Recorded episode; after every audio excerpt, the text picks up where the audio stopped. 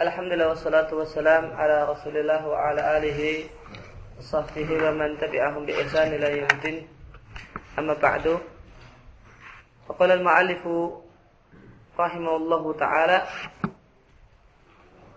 Ya, Syekhul Islam Taimiyah rahimahullah taala masih membahas tentang uh, tentang dua perbedaan antara dini dan kauni maka yang terakhir adalah pembahasan tentang kalimat. Ya, maka ada kalimat kauni dan ada kalimat dini. Contoh kalimat kauni di halaman sebelumnya di surat Tahrim ayat yang ke-12 wasataqat bi kalimati rabbiha wa kutubihi. Kemudian contoh kalimat kauni yang lain adalah apa yang terdapat dalam hadis uh, fisahi. Kata-kata fisahi biasanya maknanya adalah terdapat dalam kitab sahih. Artinya kalau nggak saya Bukhari ya saya Muslim.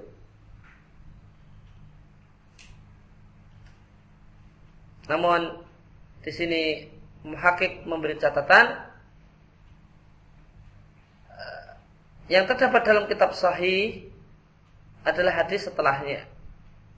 Ada munafat ini maka itu tidak ada di kitab sahih, adanya di kitab Sunan Abu Dawud, Jami' Tirmidzi dan Ibnu Sunni dari Abdullah bin Amr radhiyallahu anhu. Dan hadisnya adalah hadis yang sahih. Kata muhakik dan kalau mau membaca rincian komentar tentang hadis ini maka saya punya buku Ajalatul Rahib Al-Mutamanni Fitah kecil kitab Amal Yaumi Walailah Libni Sunni. Sebagaimana pernah kita singgung bahasanya para ulama menyebut wirid harian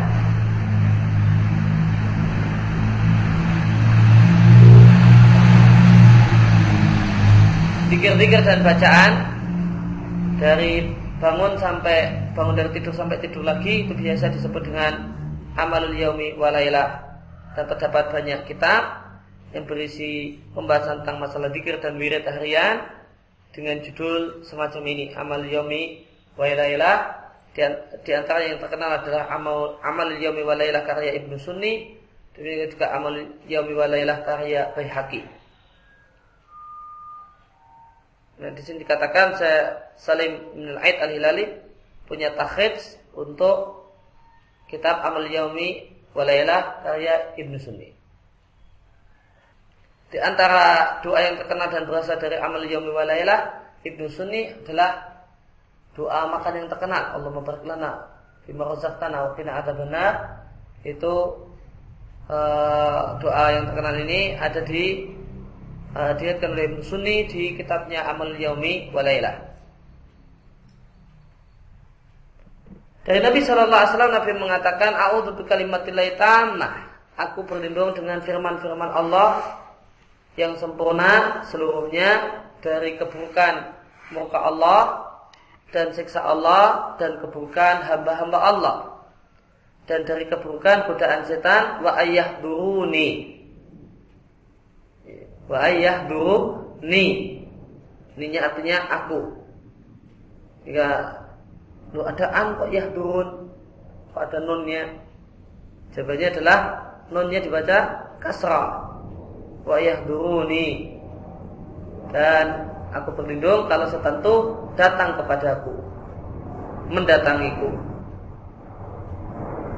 Kemudian Nabi Shallallahu Alaihi Wasallam juga mengatakan mana zala manzilan siapa yang singgah di satu tempat yang di, yang tidak yang ketika dia safar singgah di satu tempat lalu mengatakan aku untuk kalimat tamah aku berlindung dengan firman-firman Allah yang sempurna min syarri ma dari kejelekan makhluk yang dia ciptakan.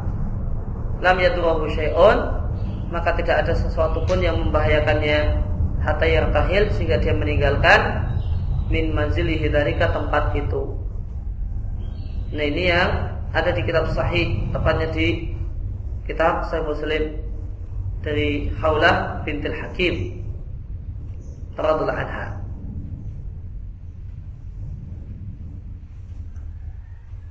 Maka bacaan ini a'udzu bikalimatil tammah, bacaan a'udzu ma khalaq itu di samping bacaan ketika singgah di satu tempat tertentu dia adalah juga bacaan zikir sore maka kalimat a'udzu bikalimat tammah min syarri ma khalaq itu di ada dua letak ya, pembacaannya itu ada di dua letak. Yang pertama sebagai zikir sore dan yang kedua adalah sebagai bacaan jika seorang musafir singgah di satu tempat tertentu atau lewat di satu tempat tertentu yaitu angker, wingit uh, atau semacamnya. Dan Nabi sampaikan fadilahnya dia tidak akan diganggu, tidak ada satupun makhluk yang mengganggunya, baik jin ataupun binatang, sampai dia meninggalkan tempat tersebut. Demikian juga Nabi Shallallahu Alaihi Wasallam mengatakan, aku berlindung dengan firman Allah yang sempurna, yang firman Allah tersebut tidak bisa dilanggar, tidak bisa dilewati oleh orang yang bertakwa, tidak pula oleh orang yang durjana. Dan aku berlindung dari keburukan apa yang Allah ciptakan dan apa yang Allah ciptakan Dawa sampai dengan Baro'a sampai dengan Khalaqa. Dan aku berlindung dari keburukan apa yang turun dari dari atas. Yang turun dari atas itu ada hujan, ada bledek, Wamaya ujufiha dan keburukan apa yang naik ke atas. Yang naik ke atas itu amal,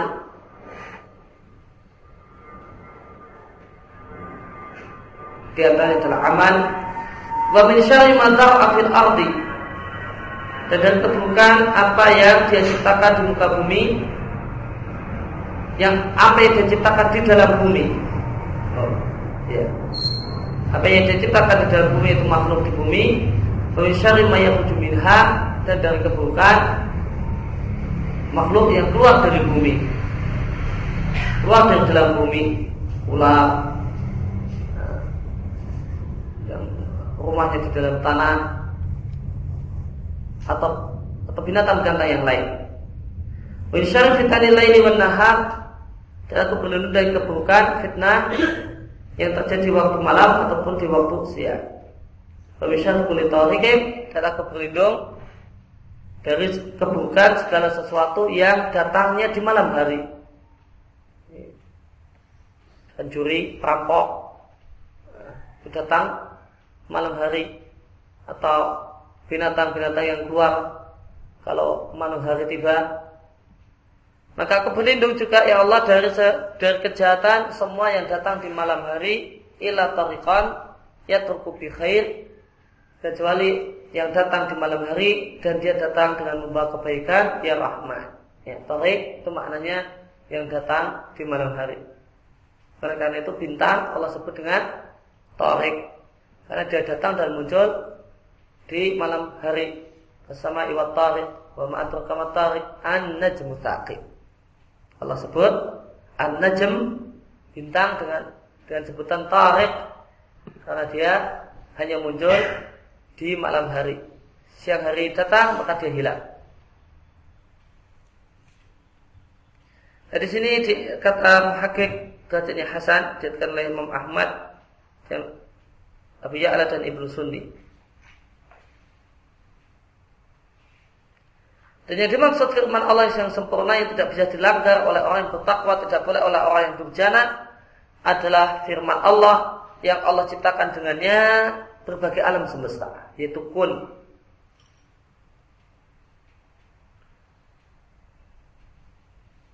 Falaya huju maka tidaklah bisa keluar dari firman Allah tersebut orang yang bertakwa tidak boleh orang durjana tidak bisa keluar dari penciptaan Allah, tanda Allah dan kuasa Allah.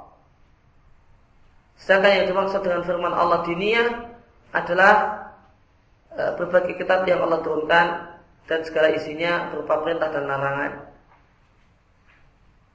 Contohnya adalah watamat kalimat rabbika sidqa wa adalah dan telah sempurna firman-firman Rabbmu, kalimat Rabbmu, kalimat di sini adalah kalimat diniyah, yaitu Al-Quran.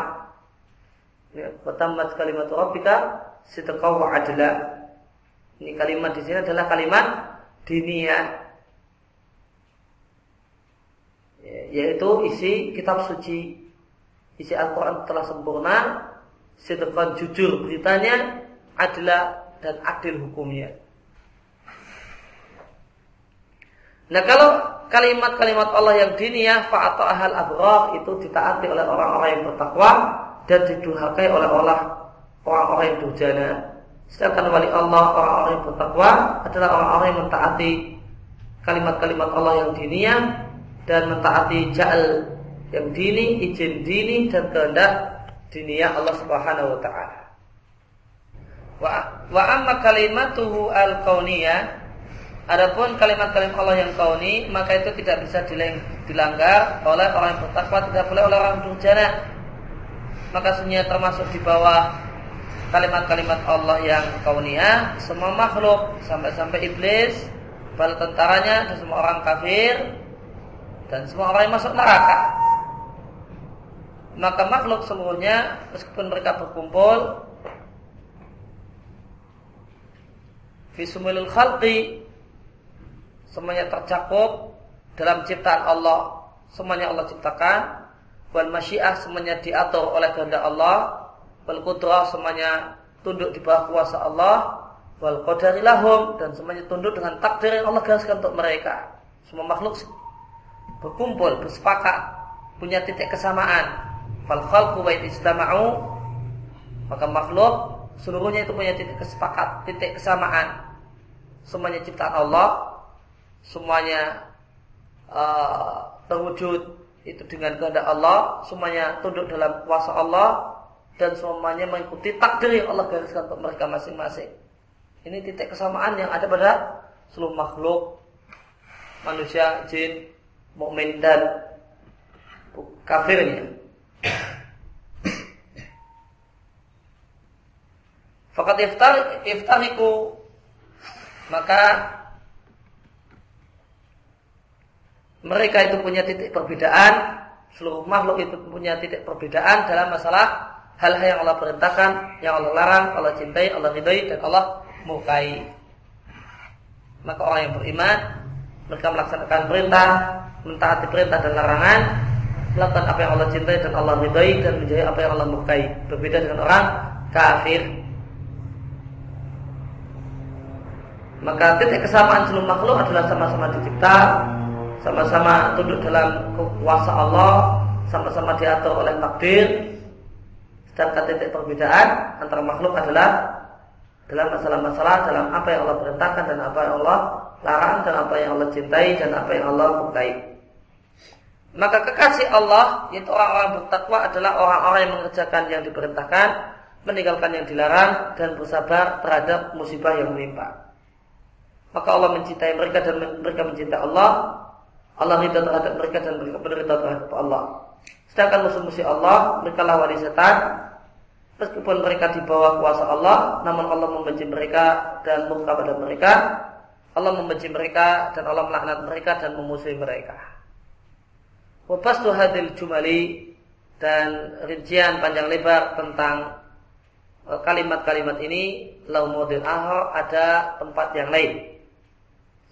Hanyalah yang kutulis di sini tampihan e, beberapa catatan atau peringatan tentang majam ilfaqi, poin-poin perbedaan antara wali Allah dan wali setan. Majam ilfaqi dan poin perbedaan yang membedakan di antara dua jenis wali tadi adalah dengan menilai mereka apakah sesuai dengan Rasulullah Sallallahu Alaihi Wasallam ataukah tidak. Maka sebenarnya Rasul Shallallahu Alaihi Wasallam adalah seorang manusia yang Allah gunakan untuk membedakan antara kekasihnya yang merupakan orang-orang yang berbahagia ataukah musuhnya yang merupakan orang-orang yang celaka. Dan dengan Rasul maka Allah membedakan antara kekasih Allah yang merupakan penghuni surga dan musuh Allah yang merupakan penghuni neraka. Dan dengan Rasulnya Allah Subhanahu wa taala membedakan antara kekasihnya yang merupakan ahlul huda wa rasyad, orang yang mendapatkan petunjuk dalam ilmu dan dalam amal. Al-huda itu petunjuk dalam ilmu, rasyad atau ar-rusdu adalah petunjuk dalam amal. Dengan musuh-musuh Allah, alul ghayyi wal fasad wal dolal. Orang-orang yang berbuat kerusakan, orang-orang yang ghayy sesat dalam amal, wa dolal dan sesat dalam ilmu. Ya, itu tidak sesat dalam ilmu, sedangkan ghayy itu kesesatan dalam amal. Dan Allah gunakan untuk membedakan antara musuh-musuh Allah yang merupakan tentara setan dan kekasih Allah yaitu orang-orang yang Allah catat pada hati mereka keimanan dan Allah kuatkan mereka biruhin minhu dengan ya, kekuatan iman dari Allah Subhanahu wa taala.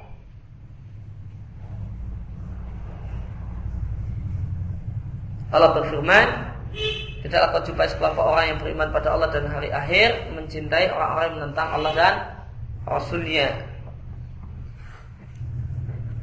Yaitu orang-orang kafir dan cinta yang tidak ada yang Allah tiadakan dari orang-orang yang beriman adalah cinta ha, kauni. Ada cinta dini, bukan cinta kauni. Cinta kauni itu tidaklah bertentangan dengan iman. Ada seorang anak yang punya orang tua musyrik, dia sayang sama ibunya, dia sayang sama bapaknya, karena dia adalah ibu dan bapaknya, maka ini cinta kauni dan ini tidak bertentangan dengan iman.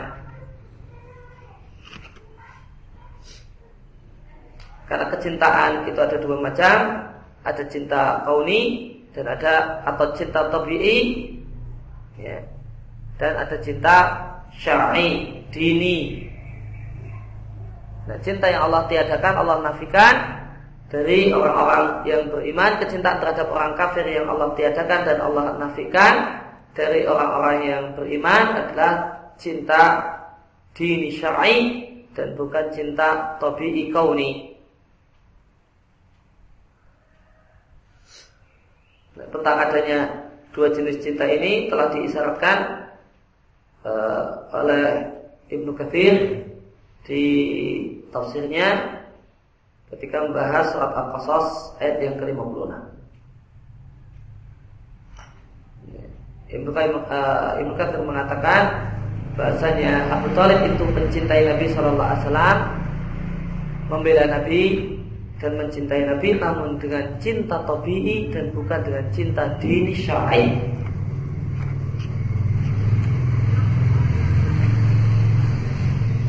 Maka dari perkataan Ibnu Katsir di surat Qasas 56 tentang ayat uh, ini letak di man ahbabta kita dapatkan adanya dua jenis cinta ada cinta tabii kauni dan ada cinta dini syar'i.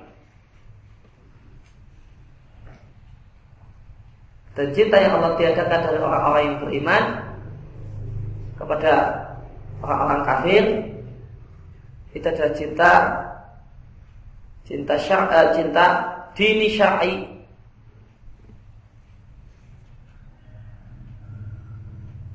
Sebagaimana dikatakan oleh Sayyid Abdul Aziz Rais di ceramah beliau Rasail ila Hamas.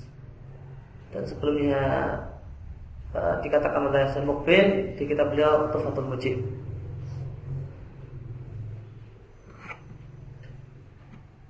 Dan dikatakan oleh Sasalah Al-Fauzan di ya, apa, uh, terlihat atau salah beliau untuk Tahawiyah.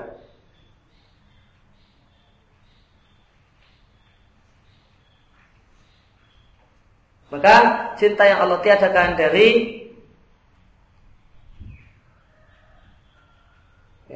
dari orang kafir cinta yang Allah tiadakan dimiliki oleh orang yang beriman terhadap orang kafir itu adalah cinta cinta diri dan syar'i dan bukan cinta tabii. Ada pencinta tabii maka tidaklah bertentangan dengan iman. Oleh karena itu maka Allah Subhanahu wa taala membolehkan lelaki muslim untuk nikah dengan wanita kitabi. Dengan wanita Yahudi atau Nasrani.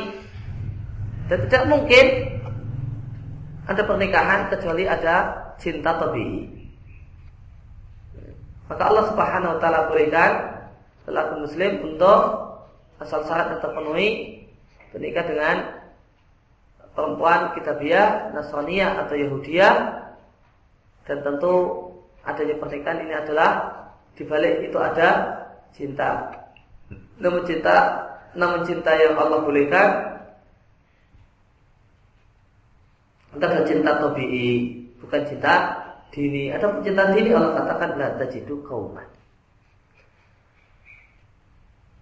Oleh karena itu ada sebagian orang yang mengatakan uh, bahwasanya permusuhan kaum muslimin dengan orang-orang Yahudi di Palestina adalah berkaitan dengan masalah tanah bukan dalam berkaitan masalah agama. Ya, ada orang punya perkataan semacam itu. Permusuhan kaum muslimin dengan orang Yahudi tetap berkaitan dengan masalah tanah. Jika mereka pulangkan tanah kita, nah, kita tidak akan memusuhi mereka. Bukan karena agama. Alasan mereka karena kata mereka kata orang yang punya pendapat ini karena Allah Subhanahu wa taala mengajarkan ya, untuk berhidup damai dengan orang-orang kafir bahkan Allah Subhanahu wa taala membolehkan lelaki lelaki muslim untuk nikah dengan wanita kita kita biar. Ini menunjukkan bahasanya permusuhan dengan Yahudi itu bukan permusuhan agama. Kalau permusuhan karena masalah mereka jadi perampok yang merampok tanah kaum muslimin. Ya, ada sebagian orang yang punya perkataan semacam ini. Maka itu itu dibantah oleh Syekh Abdul Aziz Rais di di ceramah beliau Rasaililah Hamas dan beliau sampaikan bahwasanya eh, ini adalah mencampurkan dua hal yang berbeda antara al-mahabbah tabi'iyah dan mahabbah syar'iyah.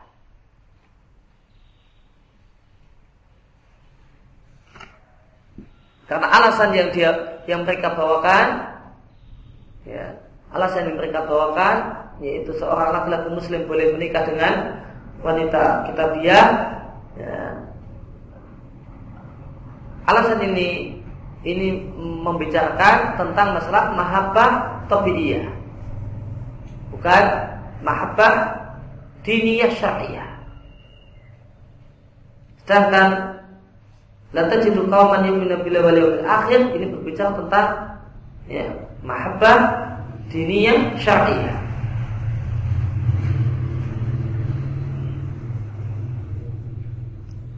Wakala fi dan Allah berfirman tentang musuh-musuhnya dan sesungguhnya setan itu memberikan wahyu kepada para kekasih-kekasih mereka untuk membantah kalian. Maka Allah menetapkan bahasanya setan itu punya wali. Itu orang kafir, para dukun dan yang lainnya. Dan di sini kita jumpai makna uh, makna wahyu dalam Al-Qur'an layuhuna ila awliyaihi.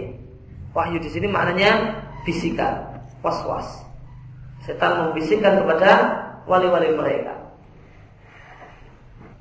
untuk membantah kalian. Demikianlah kami jadikan untuk setiap para nabi aduan musuh berupa setan manusia dan setan jin. Maka Allah mengatakan dalam ayat ini setan itu ada setan manusia dan ada setan jin. Maka setan itu bukan setan jin, ada juga setan manusia. Maka ayat, ayat ini dalil bahwa setan itu sifat yang ada pada jin dan ada pada manusia.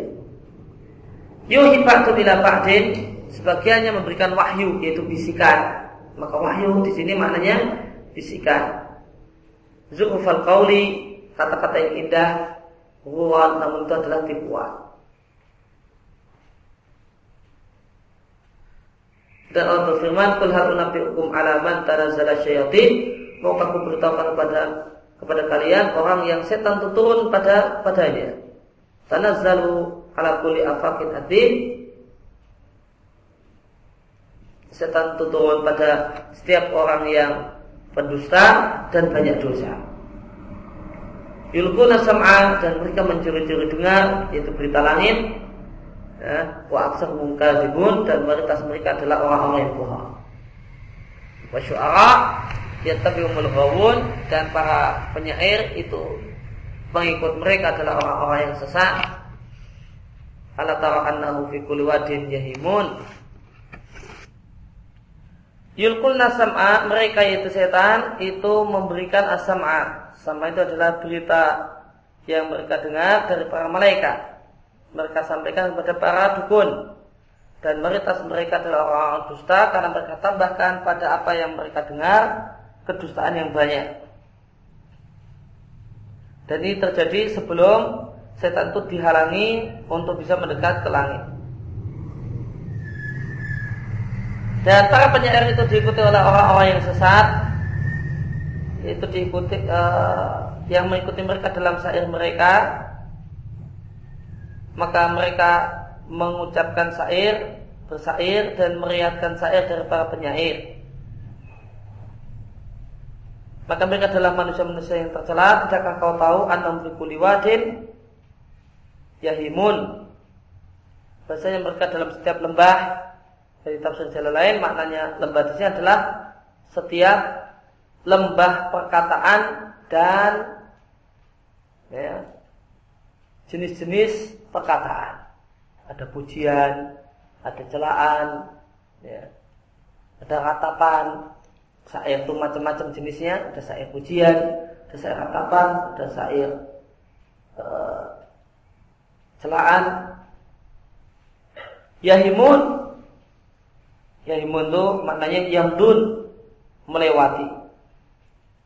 Artinya mereka melampaui batas dalam setiap macam atau jenis perkataan. Kalau penyair itu muji, maka muji berlebih-lebihan. Kalau mencela, maka mencela berlebih-lebihan. Kalau meratap, sedih karena kematian seseorang, maka e, kesedihannya berlebih-lebihan. Semuanya berlebih-lebihan semua. Maka yang dimaksud lembah di sini bukan e, kalau di tafsir jalan lain bukan lembah nyata, nah, bukan tanah lembah, akan tapi lembah abstrak yaitu jenis-jenis perkataan ada pujian, ada celaan, ada kesedihan karena meninggalnya seseorang dan yang lainnya. Wa anam yakulu nama la yaf'alun dan pekerjaan penyair itu adalah mengatakan sesuatu yang tidak mereka lakukan alias berdusta. Ya, demikian juga penyanyi itu hobinya dusta, cintaku hanya untukmu. Nah, ngapusi semua itu. Itu bohong semua.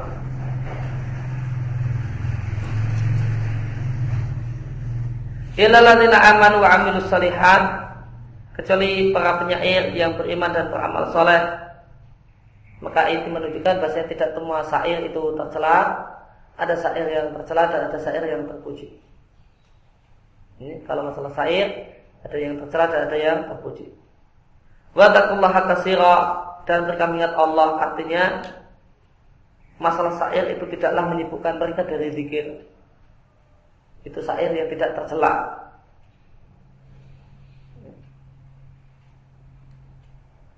Maka syair adalah syair yang tidak tercela jika tidak menyibukkan orang dari zikir. Karena gara-gara nyanyian atau gara-gara yang disebut nasid orang itu lebih banyak dengar nasid daripada dengar Quran. Maka ini seandainya isinya boleh isinya bagus tanpa musik sekalipun maka ini tercela. Wangtasaru dan mereka membela diri yaitu dengan mereka mencaci maki mencela orang-orang kafir Mimba dimandulimu setelah mereka didolimi Yaitu setelah orang kafir mencela dan mengejek-ejek mereka Nah maka penyair yang semacam ini Bukanlah penyair yang tercela.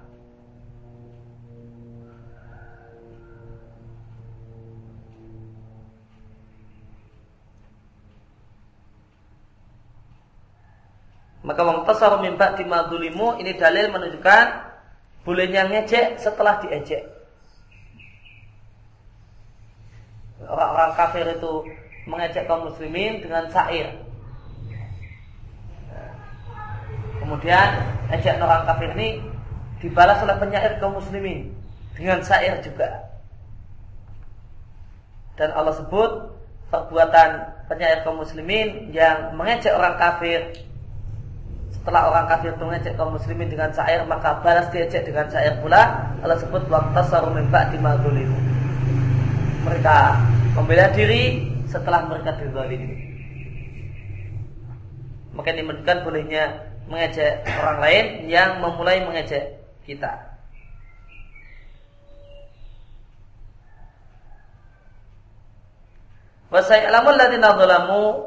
Dan akan taulah dan pasti akan taulah orang-orang yang dolim baik dari kalangan penyair ataupun yang lainnya ayam mungkolabin uh, yang kalibun tempat kembali manakah mereka akan kembali setelah mereka mati.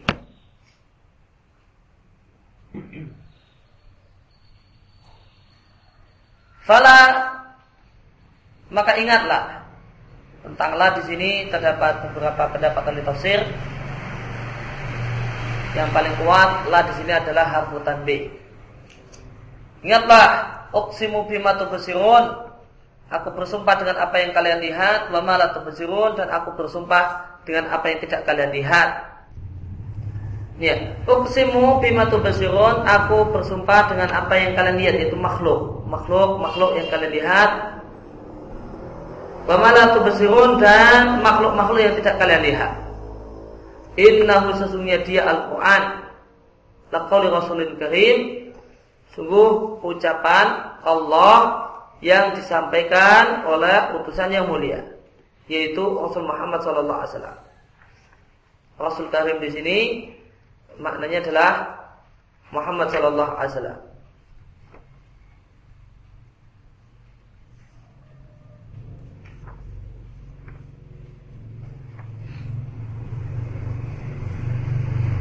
Karena dalam Al-Quran itu terdapat dua ayat yang punya innahu laqaulu rasulin karim, namun maknanya berbeda. Yang satu adalah maknanya adalah Rasul Muhammad sallallahu alaihi wasallam, yang satu adalah maknanya Jibril. Bagaimana nanti akan kita baca juga di lembaran di halaman setelahnya di halaman 157 di surat Takwir ayat yang 19. Nah, Rasulun Karim di sini maknanya adalah Muhammad sallallahu alaihi wasallam. Nah, ayat ini jadikan dalil oleh Mu'tazilah untuk mengatakan bahasanya Quran itu makhluk dan buatan Muhammad. Namun ini adalah satu dalil yang satu hal yang tidak benar karena roh kalau jika demikian maka berarti Al-Quran bertentangan karena di sini mengatakan dia adalah ucapan Rasul yang mulia itu Muhammad, namun di ayat yang lain maknanya adalah Jibril. Sedangkan al-sunnah dan ini penafsiran yang benar mengatakan adalah inna qawli rasulil karim sesungguhnya Al-Quran itu adalah ucapan Allah, firman Allah yang disampaikan oleh Rasul yang mulia. Dan di sini ucapan dinisbatkan kepada makhluk karena Allah yang lah yang memerintah. Karena Allah yang memberi. Sebagaimana firman Allah, satu hari pilih sana kali tak jalan be Inna alaina jama'ah wa qur'ana Fa idza jika kami telah membacakannya, ada yang membacakan Jibril. Karena Jibril itu diperintahkan oleh oleh Allah Subhanahu wa taala, maka bisa disebut perbuatan Jibril itu bisa dinisbatkan kepada Allah.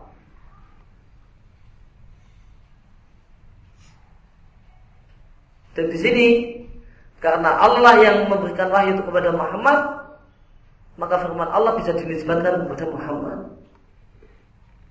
Sebagaimana perbuatan Jibril bisa dinisbatkan kepada Allah. Faidah ta'anahu fatabi Quran. Jika kami membacakannya, ikutilah bacaannya. Padahal yang dimaksudkan adalah Jibril. Jika Jibril membacakannya, setelah itu, setelah selesai, barulah kamu mengikuti untuk membacanya. Maka perbuatan Jibril dinisbatkan sebagai perbuatan Allah karena Allah yang memerintahkan Jibril. Demikian juga dalamnya adalah perbuatan Allah yaitu firman Allah dinisbatkan kepada makhluk. Itu boleh eh, karena Allah Subhanahu wa taala lah yang memberikan firman-Nya itu kepada makhluknya. Wa ma syair. Dan Al-Quran itu bukanlah ucapan penyair Artinya Muhammad SAW itu bukanlah penyair. Qalilan matu'minun sedikit kalian sedikit sekali di antara kalian yang beriman. Wala biqauli kahin bukan pula dia ucapan dukun apa hubungannya kok Quran kok dikatakan bukan ucapan dukun karena banyak orang menganggap bahasanya Al-Quran itu bersajak ya. orang-orang kafir mengatakan Al-Quran itu bersajak dan perlu diketahui yang terkenal dengan suka bersajak di masa jahiliyah adalah para dukun. Maka saja nutnya sama nun semua atau ra semua belakangnya. Eh, itu di masa jahiliyah yang terkenal suka bersajak itu adalah dukun dalam mantra-mantranya. Dukun-dukun Arab jahiliyah itu kalau bikin mantra sukanya jatuhnya sama dibuat nun semua ra semua toba semua di kalimat akhirnya. Oleh karena itu saja dalam e, di masa jahiliyah itu disebut saja ulkuhan. Sajaknya dukun, meskipun bukan dukun dikatakan saja ulkuhan. Karena yang suka bersajak itu dukun. Maka ada orang kafir yang mengatakan Quran itu bersajak, oh berarti Muhammad itu dukun, ini adalah ucapan dukun. Maka Allah katakan, oh lebih kau akhir. Quran itu bukan ucapan dukun.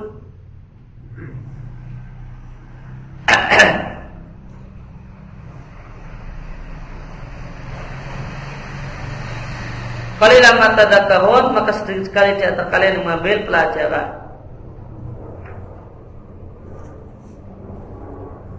Bal huwa tanzilun rabbil alamin, bahkan Al-Qur'an adalah satu firman Allah yang turun dari Rabb semesta alam. Wa anau walau taqawwala alaina ba'dul aqawil. Seandainya Muhammad sallallahu alaihi wasallam itu berani berkata-kata atas nama kami yang tidak kami katakan la akhadna minhu bil yamin. Ini saya akan kami pegang dirinya bil yamin. Itu dengan tangan kanan. Di tafsir jalan lain itu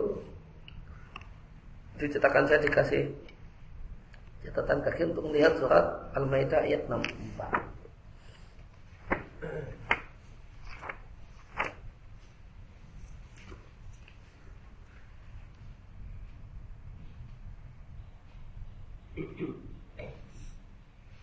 Ini itu maksudnya kita tetapkan akidah al-sunnah yang benar, yamin yang kita katakan tangan kanan. Allah Subhanahu wa taala. Karena di sini di tafsir jalan dilakukan takwil. Yamin dimaknai dengan kudrah, kuat. Tsumma laqatna minhul watin. Kemudian akan kami potong watin, kuat jantungnya.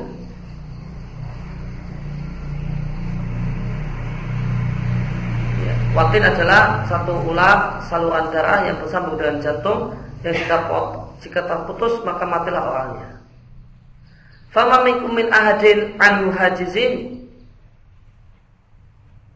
maka tidak ada seorang pun dari kalian anhu hajizin yang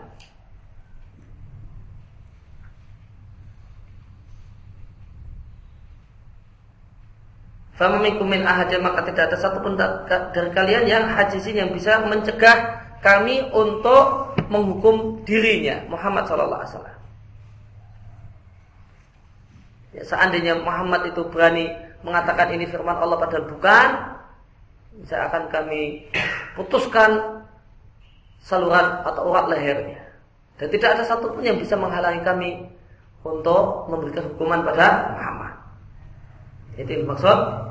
Nah, uh, fama minkum min ahadin anhu hajizi. Wa inna dari Al-Quran la tadkiratul muttaqin peringatan bagi orang-orang yang bertakwa.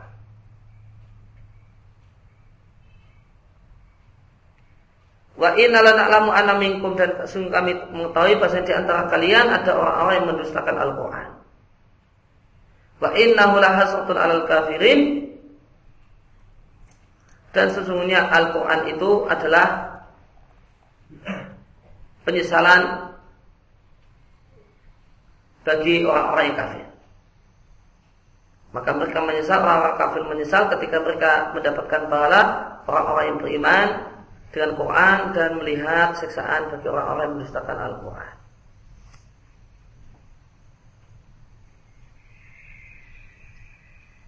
Fadakir maka berilah peringatan fama anta binikmati rabbika bikahinin wala majnun maka tidaklah engkau dengan sebab nikmat yang Allah berikan kepadamu maka ini menjadi dukun tidak boleh menjadi orang yang gila. Faliyatu fi hadis mislihi ingkanu sadiqin maka dalam mereka mendatangkan perkataan semisal Al-Quran dalam banyaknya dan uh, kandungan kebenarannya, indah bahasanya, ingkanu sadiqin jika mereka adalah orang-orang yang benar. Fanazah subhanahu wa ta'ala nabiyana Muhammad sallallahu alaihi wasallam aman aman taktarinu bi syayatin maka Allah Subhanahu wa taala sucikan Nabi kita Muhammad sallallahu alaihi wasallam dari status sebagai orang yang berhubungan erat dengan setan. Orang yang berhubungan erat dengan setan adalah para dukun, para penyair, demikian juga orang-orang gila. Wa bayyana anna alladhi ja'a fil Qur'an malakun karim istafahu Allah taala. Dan Allah jelaskan bahasa yang datang kepada Nabi sallallahu alaihi wasallam yang datang kepada Nabi membawa Al-Quran adalah malaikat yang mulia yang Allah pilih dan bukan setan. Allah berfirman, Allah yastafi minal malaikati rusulah wa minan nas. Allah memilih ya, uh, sebagian malaikat sebagai utusan dan sebagian manusia.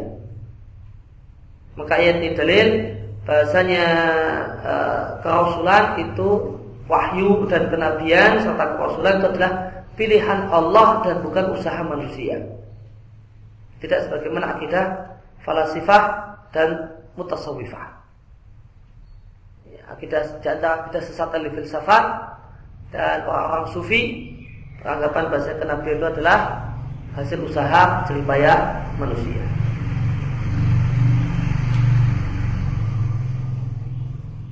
Ya, sebagaimana pernah kita baca di halaman-halaman depan bahasa untuk jadi nabi itu ada tiga uh, tiga syarat kata orang-orang ahli filsafat kebersihan hati dan, dan seterusnya.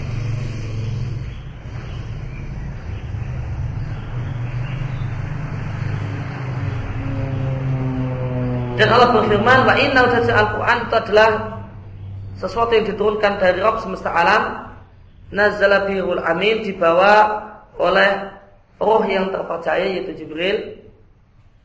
Artinya Jibril itu tidak mengurangi tidak nambahi diminta untuk datang kepada Muhammad maka Muhammad tidak sebagaimana anggapan orang-orang Rafidah keyakinan bahasanya Jibril itu disuruh untuk nemui Ali malah nemui Muhammad. Ala qalbika litakuna minal mungdirin dia datang pada hatimu supaya engkau menjadi orang yang berikan peringatan yaitu menjadi nabi Bilisanin Arabian mubin dengan Al-Quran itu dengan menggunakan bahasa Arab yang menjelaskan maksud sejelas-jelasnya. Dan Allah berfirman berkaitan dengan orang-orang Yahudi yang memusuhi yang bertanya pada Nabi kita Muhammad sallallahu alaihi wasallam, "Wahai Muhammad, siapakah temanmu?" Atau kita lihat keterangannya ada di jalan lain.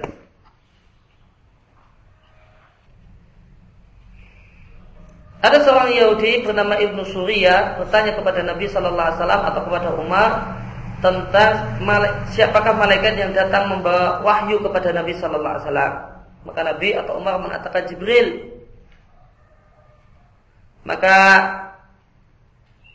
orang Yahudi tersebut mengatakan dua aduna yakti bila ada Jibril itu musuh kami karena dialah yang suka bertugas untuk mengadab Walau karena Mikail la amanna. seandainya malaikat yang datang bawa wahyu kepada Muhammad itu Mikail, tentu kami beriman. Li ana ya'ti bil khisbi wasilmi. Karena Mikail itu yang datang membawa kehijauan bumi, suburnya bumi dan perdamaian.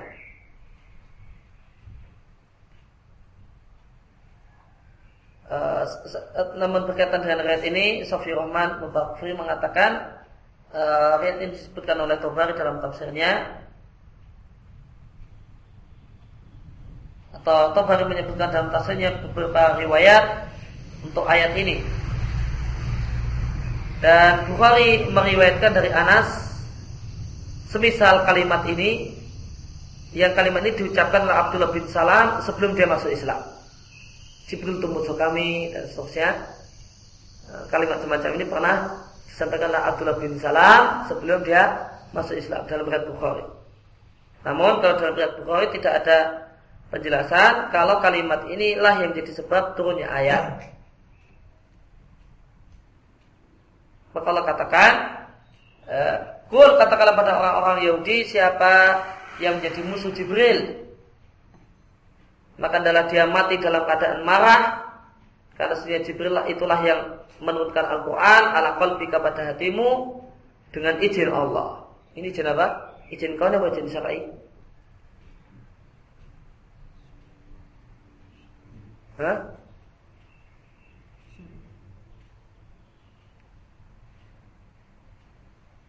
Ya, izin syar'i dengan perintah Allah.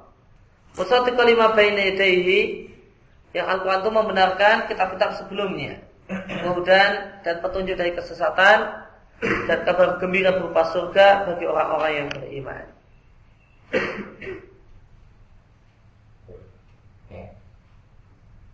Faidah Al-Quran maka jika engkau tidak membaca Al-Quran maka bertawudlah kepada Allah mintalah perlindungan kepada Allah dari setan yang terkutuk. Sampai firman Allah bahkan mayoritas mereka tidak tahu Kul katakanlah nazalahul kudus. Al-Quran itu diturunkan oleh roh yang suci yaitu Jibril dari Rabbmu bil haqqi dengan membawa kebenaran supaya Al-Quran itu meneguhkan hati orang-orang yang beriman bagi petunjuk dan kabar gembira bagi kaum muslimin. Apa makna hak di sini? Yeah.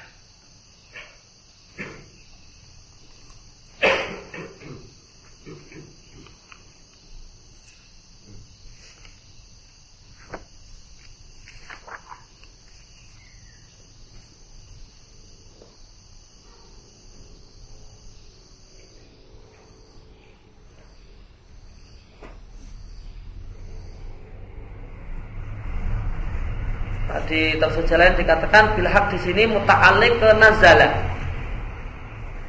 Benar-benar berarti maknanya benar-benar Allah turunkan. Benar-benar turun di bawah diturunkan uh, turun dibawa oleh Roh Kudus yaitu Jibril.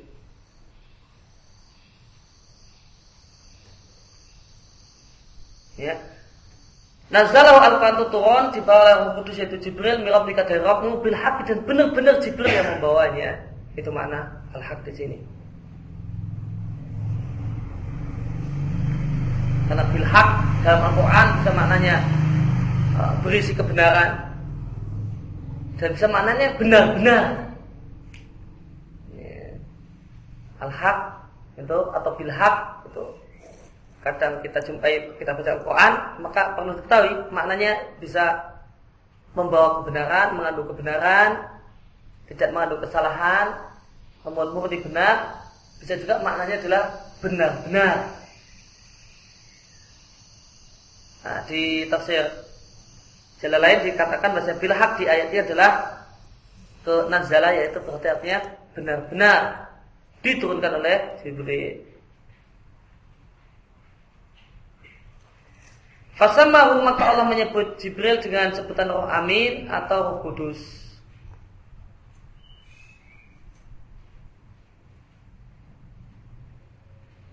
Fala lanya harfu tanbih tambahan. Hei ketahuilah uksemu bil. Aku bersumpah dengan sesuatu yang tersembunyi. al-jawaril kunnas yang berjalan, yang bersembunyi. Walaili ta'as as seperti tanafas innahu laqauli rasulin karim. Untuk ayat ini sudah ada tafsirnya dari Syekhul Islam. Islam mengatakan, aku yaitu Allah bersumpah dengan khunnas. Apa itu khunnas? Al-kawakib. Khunnas adalah artinya bintang-bintang alatifis samai yang ada di langit. Takunu khanisatan. Yang bintang-bintang itu tersembunyi. Itu muhtafi, muhtafiyatan qabla tulu'iha bersembunyi sebelum muncul. Faidah ahan nasu jariyatan fis samai. Jika sudah muncul maka manusia melihat nah, bintang tersebut berjalan di langit. Maka Allah katakan al-jawari yang berjalan.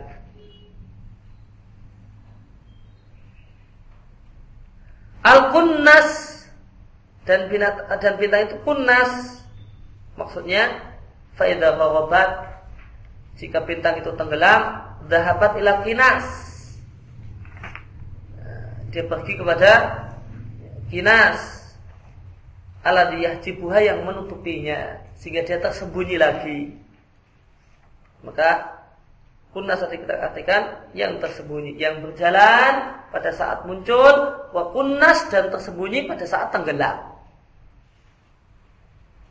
Maka kunas itu tersembunyi sebelum muncul. Kata Syekhul Islam, apa beda khunnas sama khunnas? Khunnas itu bintang sebelum munculnya. Setelah muncul al-jawari. Setelah itu tenggelam maka khunnas.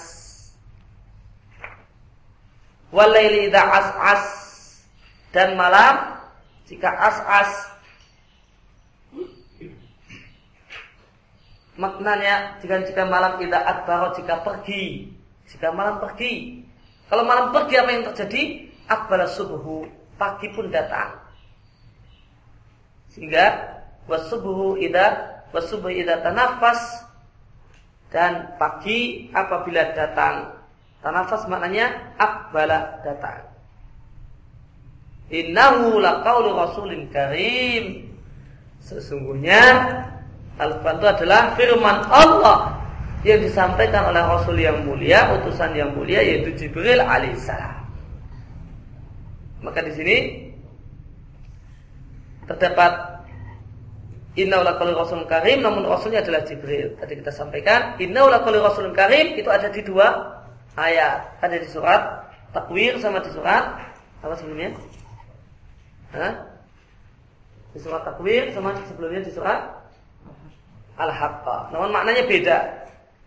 Kalau di surat takwir, Rasul Karim utusan yang mulia itu maknanya Jibril. Kalau di surat Haqqah, Rasul Karim itu maknanya Muhammad Sallallahu Alaihi Wasallam. Maka Jibril itu adalah Rasul, sebagaimana Muhammad adalah Rasul.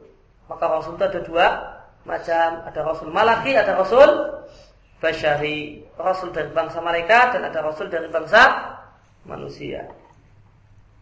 Dikuatin indadil arsi makin muta'in sama amin. Jibril itu adalah malaikat yang kuat, makin punya kedudukan yang tinggi di sisi Allah yang punya ars muta'in sama amin. Jibril itu adalah malaikat yang ditaati sama di sana di alam malaikat, amin. Dan dia adalah malaikat yang bisa dipercaya. Apa maknanya? Muta'in fis sama. Dia adalah malaikat yang ditaati di, di di dunianya para malaikat yaitu di langit sama di sana amin dia adalah malaikat yang bisa dipercaya. Wa masahibukum bimajnun dan temanmu teman kalian wahai orang-orang musyrik Mekah yaitu Muhammad sallallahu alaihi wasallam bukanlah orang gila.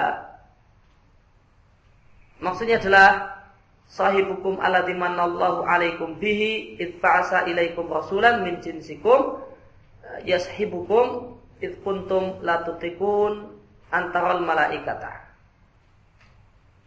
Dan teman kalian yang Allah memberikan nikmat kepada kalian dengannya karena Allah mengutus mengutusnya sebagai rasul bagi kalian min jinsikum dari jenis kalian yaitu sama-sama manusia yang dia itu ya, lama bergaul dengan kalian sehingga kalian tahu karakternya, kejujurannya. Kenapa yang diutus Rasul untuk kalian adalah manusia juga? Karena kalian tidak kuat jika jika harus melihat para malaikat. Kalau seandainya Rasulnya itu malaikat, manusia tidak kuat untuk melihat malaikat. Sebagaimana dalam ayat yang lain, Waqalu laula unzila alaihi malak. Mereka orang-orang musyrik mengatakan seandainya yang jadi rasul adalah malaikat. Yang diturunkan wahyu, yang mendapatkan wahyu adalah malaikat. Kami mau beriman. Ya, mereka mengatakan seandainya rasulnya adalah malaikat, kami mau beriman. Maka Allah bantah. Kalau angzalna malakan lakudil amru, thumma la Seandainya kami turunkan malaikat, habis sudah urusannya. Kemudian mereka tidaklah ditunggu-tunggu, tidak telah diberi waktu. Walau ja'alnahu malakan la ja'alnahu rajulan walalabasna alaihim ma yalbisun. Kita lihat di surat Al-An'am. Ayat 8 dan 9.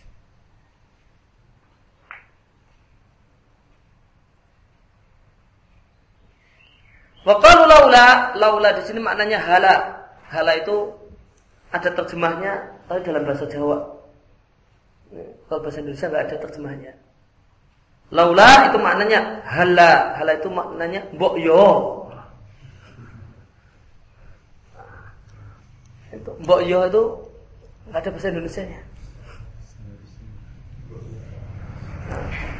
Mbok yo itu ya kalimat untuk apa? uh, untuk nah, ya pengingkaran, namun pengingkaran namun mengandung untuk harapan, mengingkari namun juga mengandung harapan. Ya kurang lebih seandainya lah, tapi itu juga kurang lebih. Unjila alaihi diturunkan padanya, yaitu diturunkan pada Muhammad seorang malaikat yang punya tugas mengatakan Muhammad itu benar. Orang-orang musyrik usul, mbok yo ada malaikat yang nemeni Muhammad. Tugasnya malaikat ini mengatakan Rasul Muhammad adalah benar. Maka Allah katakan seandainya kami turunkan malaikat yang bertugas untuk memberi saksi Muhammad sudah benar, sebagaimana usulan yang mereka berikan, lalu ternyata mereka tidak beriman, laqutiyal amru. Habis sudah urusan mereka. Artinya Allah azab mereka, Allah binasakan mereka. Tsumma yang kemudian mereka tidak lagi diberi waktu untuk bertobat.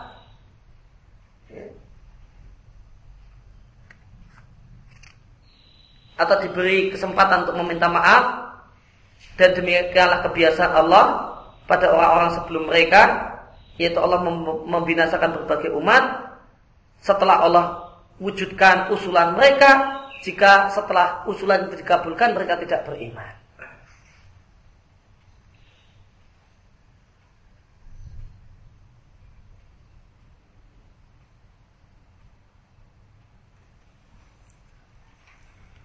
Maka kebiasaan Allah, sunatullah kalau umat para nabi ini usul sesuatu, kemudian Allah kabulkan, setelah Allah kabulkan nggak beriman, maka Allah habiskan mereka.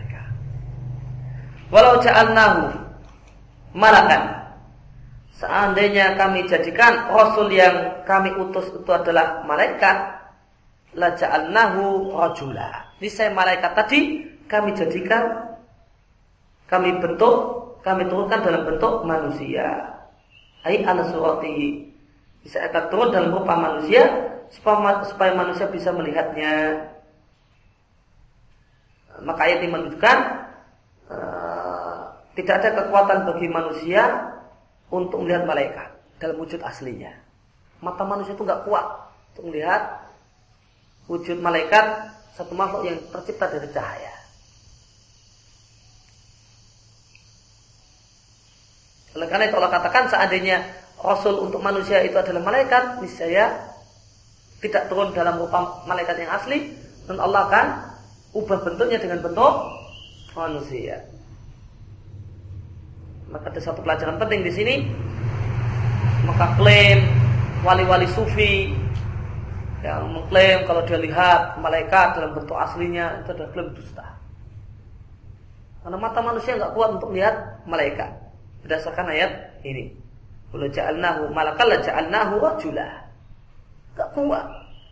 Nah, kalau masih mana mata manusia biasa semacam ini.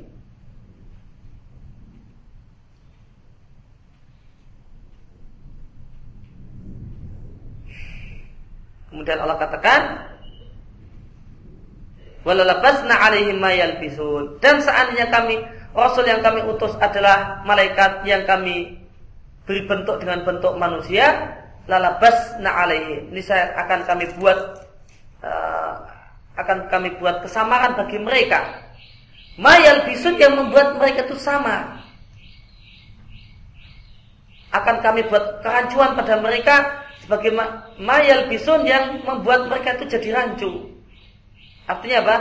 Mereka akan mengatakan tidaklah ini kecuali manusia seperti kalian. Padahal itu sebenarnya malaikat. Namun seandainya Rasul yang Allah kirim itu adalah malaikat, rupanya rupa manusia, dan nanti orang-orang kafir itu akan komentar, eh juga manusia seperti kalian. Jadi jadi alasan untuk tidak mau beriman.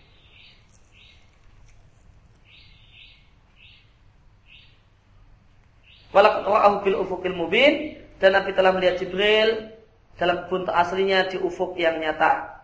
Itu ketik ya, di ufuk wa 'alal ghaibi dan tidaklah Nabi Muhammad wasallam itu uh, berkaitan dengan ghaib bidanin.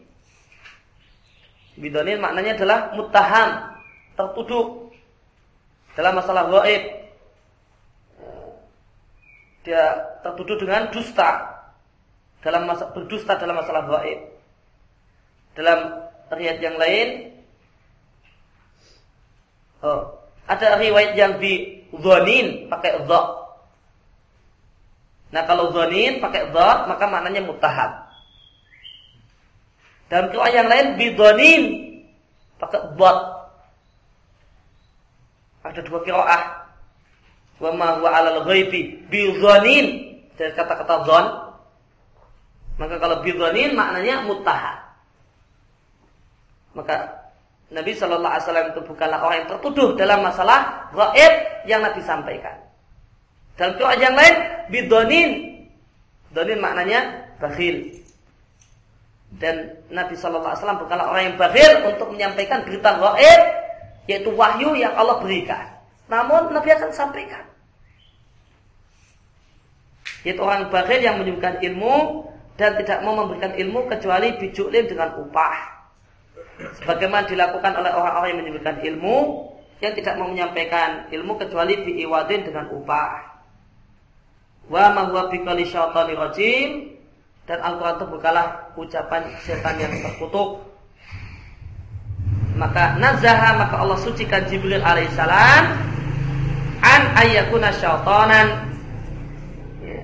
Maka Allah sucikan Jibril Allah katakan Jibril itu bukalah setan kama nazaha Muhammadan sebagaimana Allah sucikan Nabi Muhammad an ayakuna syairan au kahinan.